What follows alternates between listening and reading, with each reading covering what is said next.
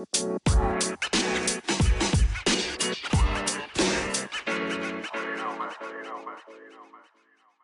lieve mensen, welkom bij de Back to Blue podcast. De podcast waar we samen terugkeren naar onze blauwdruk, naar de zuiverste en puurste versie van onszelf. De versie die we bedoeld waren om te zijn. Wil je je leven omgooien? Heb je het gevoel dat je een stuk van jezelf kwijt bent? Kom dan met me mee. Terug naar de beste versie van jezelf. Happy Monday everybody, wat fijn dat je weer luistert. Het is maandag, dus het is tijd voor motivatie. Maar ik ga het stukje motivatie heel kort houden, omdat ik het onderwerp van je zielsmissie nog verder wil uitdiepen. Dus eventjes over motivatie. Uiterlijke motivatie is van korte duur en heeft weinig impact. Innerlijke motivatie is voor altijd en heeft maximale impact. En wat bedoel ik met uiterlijke motivatie? Dat is motivatie die je zoekt buiten jezelf. Dus je legt jezelf iets op, vaak iets wat met uiterlijke behoeften te maken heeft, zoals je uiterlijk, je gewicht, je status, hoeveel geld je hebt enzovoort. Um, je zegt bijvoorbeeld tegen jezelf: ik moet gaan sporten, of ik moet diëten, of ik moet hard werken, of ik moet honderdduizenden euro's verdienen. En dan ga je daar iemand anders bij halen die ervoor moet zorgen dat jij gemotiveerd bent. Actief of passief. Actief, je huurt werkelijk iemand in, of je hebt werkelijk een andere persoon die jou accountable houdt. Of passief, je zoekt je eigen voorbeelden. En je omringt je daarmee. Je zet je computer daarmee vol. Je zet je Instagram daarmee vol. Zodat je telkens opnieuw gemotiveerd wordt door het resultaat van andere mensen. Dus dat is uiterlijke motivatie. Um, innerlijke motivatie, het tegenovergestelde, komt van heel diep van binnen in jou. En heel diep van binnen weet je wat je moet doen. Ik kan het niet anders uitleggen. Het is een soort weten. Het is een weten dat je kalmte en rust brengt. Het is een vertrouwen. Het is een noodzakelijkheid, want je kan niet leven zonder dat je doet wat je weet dat je moet doen. En dat komt als je in alignment bent, als je in verbinding staat met je hogere zelf, met je begeleiders uit het niet-fysieke rijk, uit het fijnstoffelijke gedeelte van ons universum, als je die verbinding voelt met bijvoorbeeld je roeping, je missie, je levensdoelverklaring. Ik heb het in de vorige aflevering van deze podcast dus gehad over je levensdoelverklaring schrijven. En ik heb je uitgelegd hoe je dat kan doen en ik heb je daar een schabloon voor gegeven en zo. Ehm, hoe je dat, wat je dan als levensdoel opschrijft, ook kracht kan geven en hoe dat je dat in je eigen leven kan uh, dat je eigen leven in functie daarvan kan, kan brengen of dat je dat kan gebruiken om je eigen leven beter te maken. Nu, vandaag wil ik het hebben over hoe leven in jouw missie of volgens jouw levensdoelverklaring of handelen op een manier die van je, vanuit je innerlijke waarheid komt, hoe dat, dat ervoor kan zorgen dat je afslankt. Of dat je tenminste stopt met gewicht bij te komen. Um, dus uh, het, is, echt wel motivatie om af te slanken. Weer. Dus uh, ik zit wel goed op mijn maandag motivatie uh, aflevering. Nu, afslanken. We willen afslanken. Eerste tip, je gaat gezond eten. Oei, blijkt niet zo evident te zijn als je er een keer aan begint. Tweede tip, je gaat meer bewegen en sporten. Oeps, ook dat lijkt niet zo evident te zijn, gewoon omdat je dat wilt.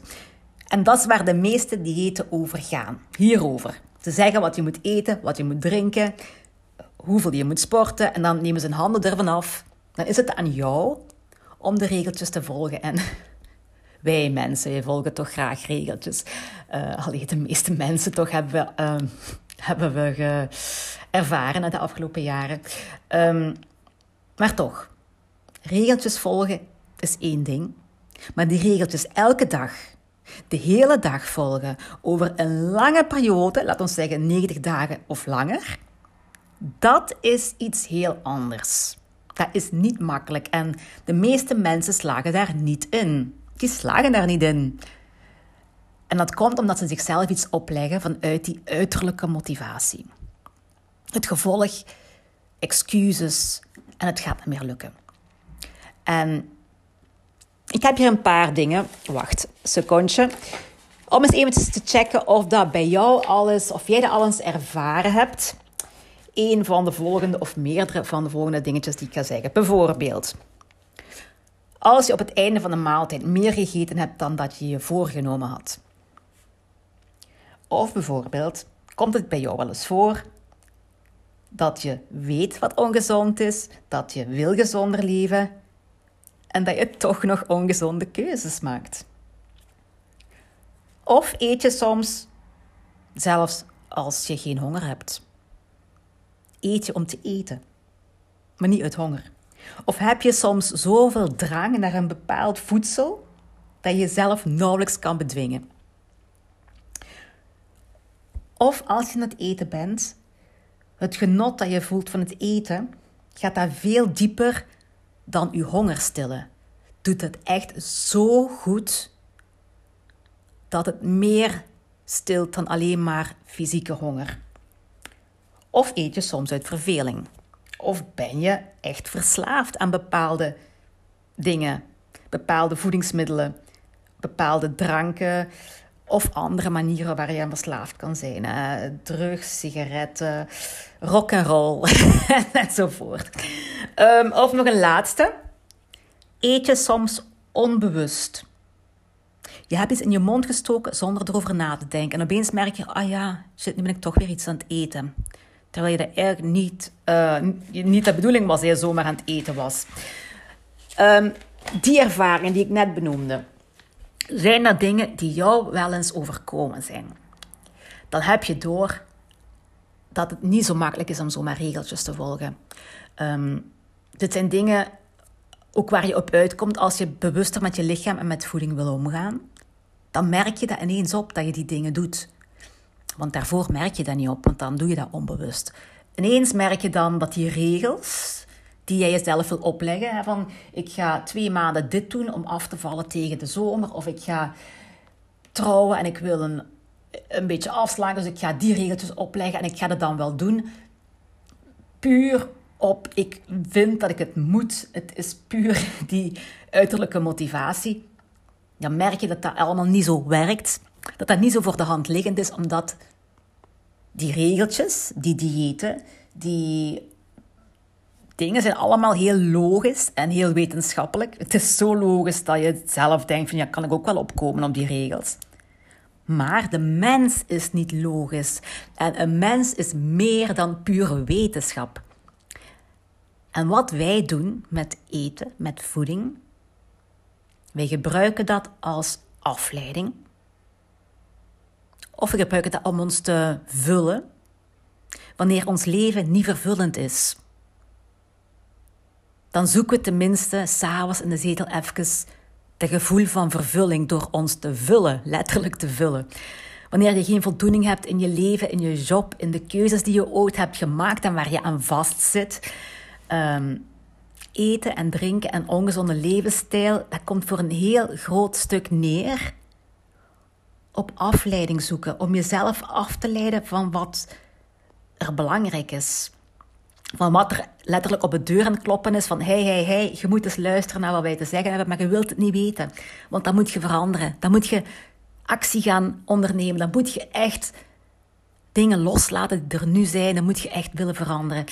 En um, eten kan ook, is vaak meestal, heel veel vrouwen zullen, dit, uh, zullen hier akkoord mee zijn dat eten ook vaak een troost is. En eten stelt je ook gerust als je angstig bent. En eten is gezelschap als je je alleen voelt. En de handeling van eten, het met je hand iets pakken uit een zak en dat in je mond steken en erop knabbelen, die handelingen, die houden verveling tegen dat houdt u zo hard bezig dat je niet meer over je emoties moet nadenken. Je hoeft die niet onder ogen te zien. Je kan die op de lange baan schuiven. En dat is waar wij eten voor gebruiken. En dat zijn de redenen waarom het, waarom het ons niet altijd lukt om die regeltjes te volgen, om die gezonde keuzes te maken. En dat is waarom we niet kunnen afslanken of waarom dat we bijkomen. 99% van onze handelingen zijn onbewust. Handelingen in het algemeen, en dus niet, niet puur eten. Alles. Besef je dat, besef je dat. Maar, maar 1% van wat jij doet, daar maak jij de bewuste keuze om dat te doen. En dus excuses zoeken om niet te doen wat je van jezelf moet doen, dat gebeurt voor een groot stuk onbewust. En daarom huren we die coach in. Hè? Die coach zegt dan, uh, wat is nu weer een excuus? Dan zeg je, ja, maar dat is geen excuus, dat is geen echt excuus. Dat was echt... Dan hij, nee, nee, nee, nee, nee, nee. Dat is een excuus. Maar jij doet dat niet bewust. Jij gaat niet bewust naar een excuus zoeken. Dat gebeurt allemaal achter je rug, zou je kunnen zeggen. Ons eetgedrag is ook een gevolg van iets anders. In de beste geval is ons eetgedrag het gevolg van honger. Ja? Maar in andere gevallen is ons eetgedrag het gevolg van een emotie of van een reactie op iets anders, op een omstandigheid. En als je altijd maar eet uit reactie, dan heb je geen controle. Want hoe meer er gebeurt, hoe meer je gaat reageren, hoe meer je gaat eten.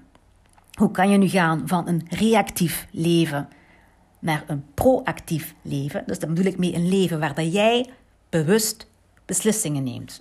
Om te gaan naar een doel wat jij zelf gekozen hebt. Van reactief naar proactief. Ja, obviously mindfulness. Hè? Mindfulness gaat daarover. Ja, dat is één, dat is mindfulness. Maar er is, er is uiteraard meer. Emotioneel en energetisch speelt er van alles in jouw lijf, in jouw geest, in jouw, in jouw zijn, in jouw bewustzijn, uh, wat je niet mag onderschatten. En vaak zijn we bezig met weerstand te bieden tegen onze eigen hogere zelf. Hogere zelf, hogere ik, uw gids, uw, innerlijk weten, uw deel dat van de bron afkomstig is, de, de connectie met de bron. En daar gaat het over. Dat is er, maar je wilt dat niet zien. Je wilt dat niet volgen, want soms wat je intuïtie je zegt, is niet wat je logica je zegt. Wij leven heel erg in ons hoofd.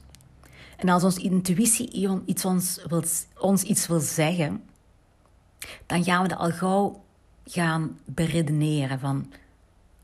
Oh, dat zal wel niet. Ik moet iedereen een kans geven. Of, oh, je zoekt excuses om je intuïtie niet te moeten volgen, omdat je leeft vanuit je hoofd. Je leeft vanuit wat je weet dat je moet doen, vanuit iets wat je is opgelegd, vanuit regels.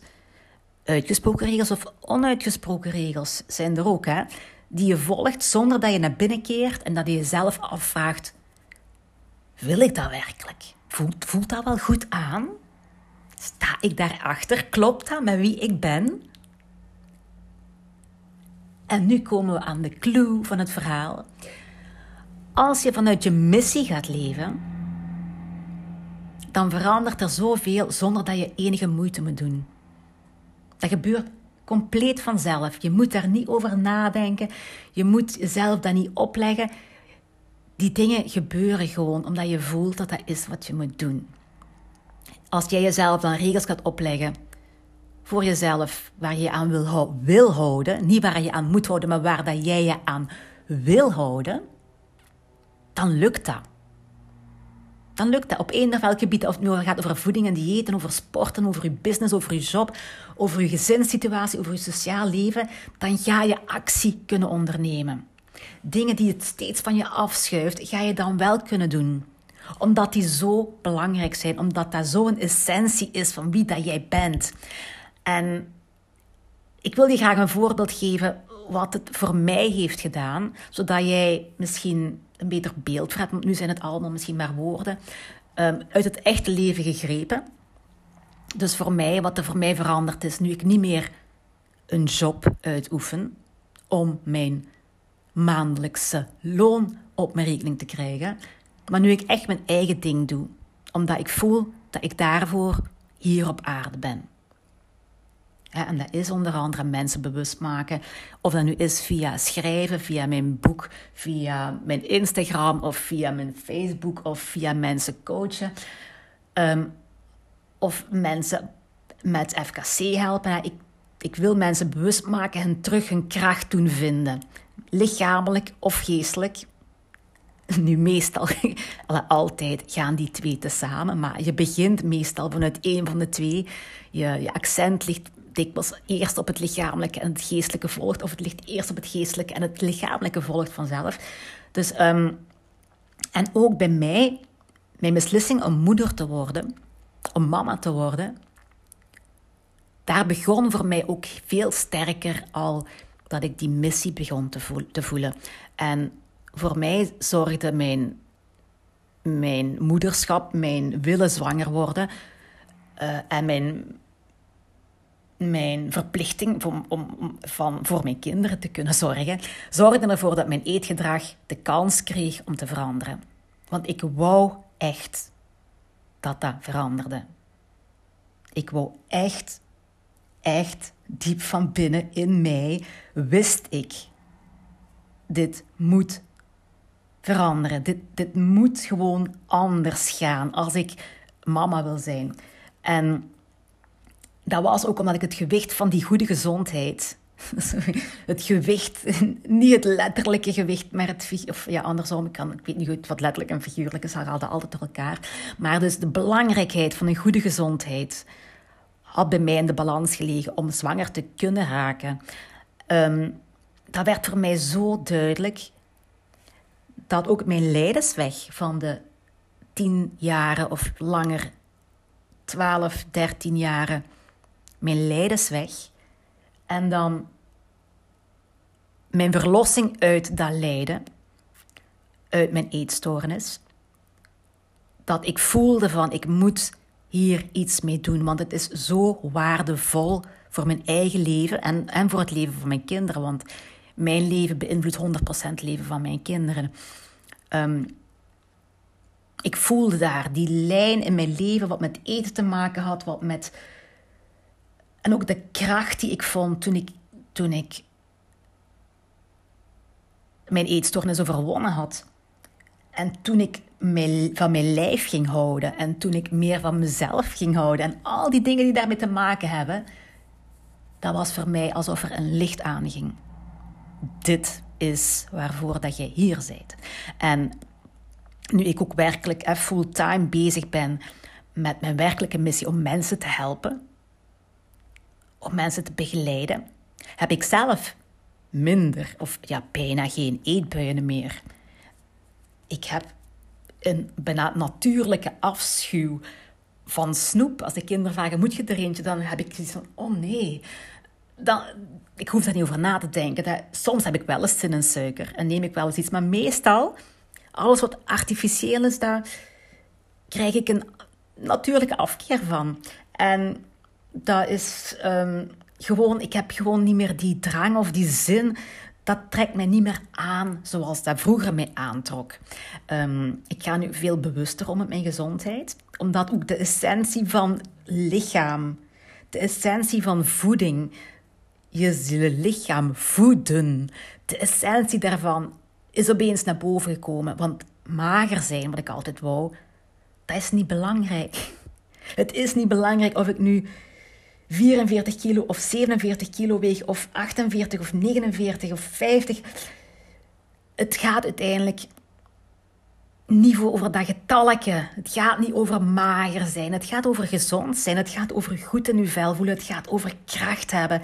Het gaat over fit zijn. Het gaat over je leven kunnen leiden zoals jij wil. En niet worden tegengehouden door een lichaam dat dat niet goed voelt. Of dat niet mee kan. Dat niet kan lopen als, je, als je achter je kind wilt aanlopen. Dat buiten adem raakt. Um, toen ik Marisam als, als kleine baby had. Toen ik voor het eerst moeder werd. Dat was van de ene dag op de andere. Dat in plaats van mijn uiterlijk, mijn persoonlijkheid veel belangrijker werd. Want die kleine baby, die alleen mij had, die reageerde op mijn persoonlijkheid, op mijn zachtheid, op mijn warmte. En ik had mijn gezond verstand uiteraard nodig om voor dat babytje te zorgen. En dat was allemaal veel natuurlijker dan wat ik al die jaren daarvoor met mijn hoofd had beredeneerd. Van ik moet dit en ik moet zoveel wegen en ik moet dit. Mm, ineens, ineens was er een switch, een schakelaar omgekeerd. En vanuit mijn missie wil ik anders eten, kies ik automatisch voor gezondere opties. En dat hoort bij wie ik ben.